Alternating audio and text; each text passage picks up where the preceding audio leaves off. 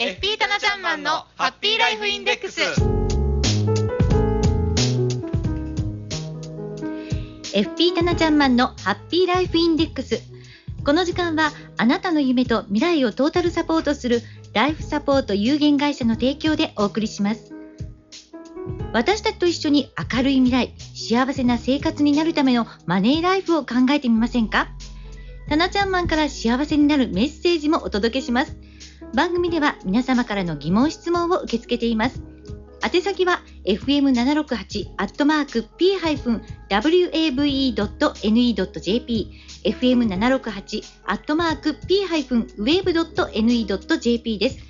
では早速、一級ファイナンシャルプランニング技能士、ライフサポート有限会社代表のタナちゃんマンを呼んでみましょう。タナちゃんマン。はい、こんにちは、棚橋です。タナちゃんマンと私、初めてですよはいね。めまして。よろしくお願いいたします。なんか、あの、私、以前から声は伺ってたんですよ。すか。ありがとうございはます。すごい爽やかな方なんだろうなと思ってたら、もうお声と見た目一そう緒です。あありがとうございます。もう本当はいにイメージ通りの方でした。ありがとうございます。私もおばさんの声はよく聞いておりまして、ありがごくうございます大ファンでしたので、はい一度お会いしたいなと思ってました。いや今日も本当にワクワクしてやってまいりました。はいい。そんなことを言っていただけるなんて、本当に嬉しいですね。さあ、じゃあ、あの、どういうお話になるかということなんですね。今日は。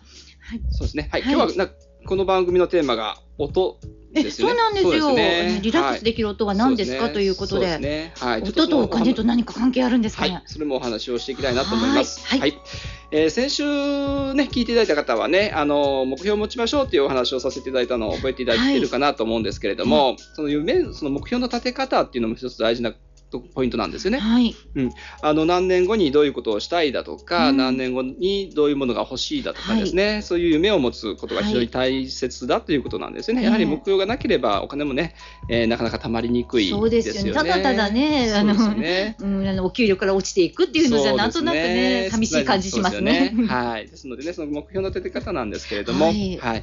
まず具体的であるっていうことですね。具体的はいというと、例えば、はいえー5年後に車を買おうとかですねはいあのマイホーム取得のための、頭金を貯めようとかうんいうことですよね。はい。はい。で、が明確的であること。はい。ね、あの具体的であって明確的、はい。何年後に何を買うそれがそれがいくらなのかっていうことですよね。そうですよね。それによってまた年数も変わってきませんか？そうですね、うんはいそれによってはそのあの当然貯め方も違いますし、うんそうですえねーえー貯めるその金融商品も違ってくるわけなんですね。はい。はい。はい、でそれが達成可能であるかどうかうんこの3つが大事なんですよね。はい。はい、ただ単にそのですね、えー5年後に100万円貯めようとかですね、えー300万貯めようとか、うんえー金額で目標を立てる方は結構いらっしゃると思うんですけれども、うんなかなかこう貯まりにくいというか途中で挫折をしちゃったりとかですね。よよく挫折するんです、私も。ね、ついこう溜まってきたところで、あ、何買っちゃおうかなとかですね。目の前に、あ、欲しいなってこう軽く思ったものをすぐピュッと飛びついちゃうんですよ。そうですよね。ですので、えー具体的にかつ明確的、うん何を何年後に欲しい、はい。どういうことをしたい、はい。えーそれが達成可能であるかどうかということを、えー明確にしながらですね、はい。えー貯めていけばお金っていうのが貯まるのかなっていうふうに思います。はい。ね。逆にあの、貯めたいのはすごく気持ちはあるじゃないですか、はい。あれも買いたいこれも買いたいあるんですけども大きくこう、目標を立てすぎちゃって、はい挫折する挫折することってありますよね。はい、そうですね。それがですね、うん目標の立て方のミスなんですあがー、最後の3つ目ですね、うん達成可能可能であるかどうかですよねなんです。よね。はいその判断っていうのはやっぱり自分ですよね。そうですね。はい。あの、毎月積み立てができるかどうかという金額ですよね。あそれは自分のもう所得によって考えるということですかね。はい。例えばですね、はいあの、こういう方もいらっしゃるんですよ。はい。老後のためにうん、えー毎月5万円ずつ貯金をしています、はいはい。でこれをずっと続けていきたいんですうんっていうことで、あの当然私どもがね提案させてもらうときには、はい。あのその老後のまでの期間ですね、うん。10年とか30年とか、うん。まあ、その方によって違うんですけれども、はい。その期間続けられるかどうか大丈夫ですかっていうのを必ずお聞きしてます。はい。例えばお若い方でねやはりこの今こういうご時世ですので、公的年金もすごく不安がありますのでね、うんはい。あの公的年金を保管したいということで、はい。若い方が結構いらっしゃるんですよ、はい。あの老後のためにって、まだ20代なのに。考えてますよ。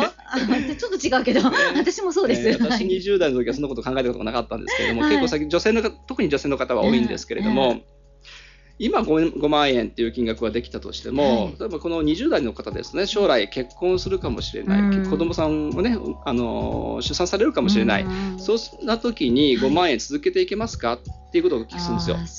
ですので、はい。あのやろうっていう気持ちは大事なんですけれども、うん。続けられるかというところが本当は一番大事なんですよ。ね。気持ちばっかり先走っちゃう場合ありますよね。そうですね、そういうお話をしています。で、はい。あのそういうお話をしながらですね、はい。私最近では結構心理学っていうのを勉強してるんですけれども、はい。どんな、えーどんな、い。うんまあ、幸せになるためなんですけれども、はい えーどうしてかというとですね、あのまあ、こういうお金の提案、まあ、豊かな生活を送っていくための提案をさせていただきながら、はい。どうしてもこうお話をしていても皆さんこう精神的に幸せそうじゃないって言いますかね、あの結構後ろ向きな考えをされたりとかうん。いう方も結構いらっしゃる。でそえーその中で、はい。あのすごくこう日本って、まあ、不景気ではありますけれども、はい。豊かですよね。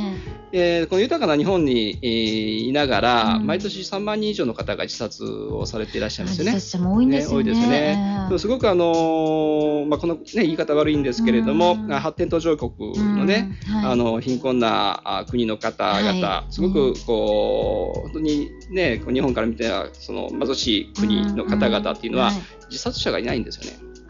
そうですよね。ねえすごくで私そういうボランティアもやってるんですけれども、はい。海外支援の子どもたちのビデオだとか、はい。あそういう子どもたちと触れ合ってるとすごく笑顔がうん。輝いてるんですよね。はい。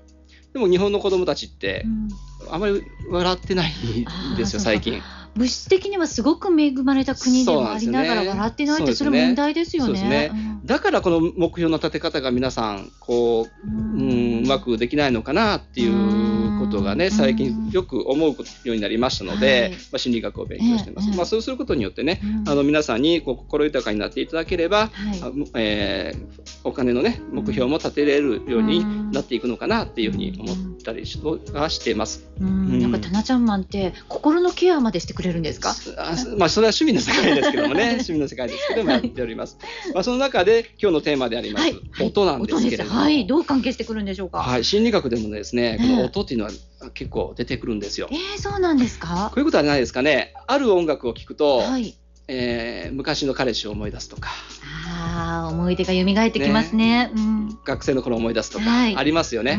うん音っていうのは結構ですね、あのー思い出に残ると言いますか、えー心理的に与える影響ってすごく大きいんですよね。うーん、で確かに。えー今大場さんが言われた、はい。あの川の流れは言われなかったですね。虫の音、うん虫の鳴き声とか。ね虫の声だとか、波のとか。音そうですね、あれはすごくあの心理的にもうん実はあるんですね、あ、そうなんですか。はい、もうほとんどの方はそういう音を聞かれるとやっぱり心がこう和むと言いますか癒されるんですよ。う。ねはい、これはあの一定のですねえ規則的な、うん。あの音の流れっていうのがありあ、ます。そうですよね。はい、これはね、うん F 分の1の揺らぎって言いまして、あの本当にこう心がこうなんていうかなリラックスできる、はいこの音を聞くとアルファ波が出やすいはい。らしいんですよね。はい、本当にあのリラックスできる音ということで、F 分の1の揺らぎっていうのがあります。はい。で、あのディレクターの方が音楽ね、うん音に楽をつけた音楽って言われますけれども、音楽でも実はこの F 分の1の揺らぎっていうのがありまして、はい、あのモーツァルトあーはい、はい、あのクラシックを聞くとよく野菜とかね、お花なんかもクラシックを聞かせて育てるというじゃないですか。ありますよ。なんかお水にも横で置いてそうですね。聞かせるとなんはい。か結晶があって綺麗になるっていうのがありますよね。え特にモーツァルトがいいらしいんですよね。モーツァルトの音楽っていうのは、はい。この自然の音 F 分の1の揺らぎに限りなく近いらしいです。えーどうしてなんでしょう。どうしたんですね。だからうんそれがすごく不思議なんですけれども、うん。同じクラシックでもどうもあのバッハだとか、うん。えーベートーベンとかはい。よりもモーツァルトがいいというふうに言われてます。うん。あの妊娠中のねお母さんのねね。モーツァルトの音楽を聴くのいいですよなんてありますよね。はい。うんですね。ですので、そういう歌を音ですね、うん。ぜひ皆さんも聴いていただければ、心リラックスをできて、はい。えーで、将来をね、あの、うん。その音を聴きながら将来のことを考えると、うん。えー明るい未来もこう、立てれるのかなっていうふうになるほど。思ってます。はい、はいい、や音とうまくつないでいきましたね。ちょっと強引でしたですけどね。はい。ははい。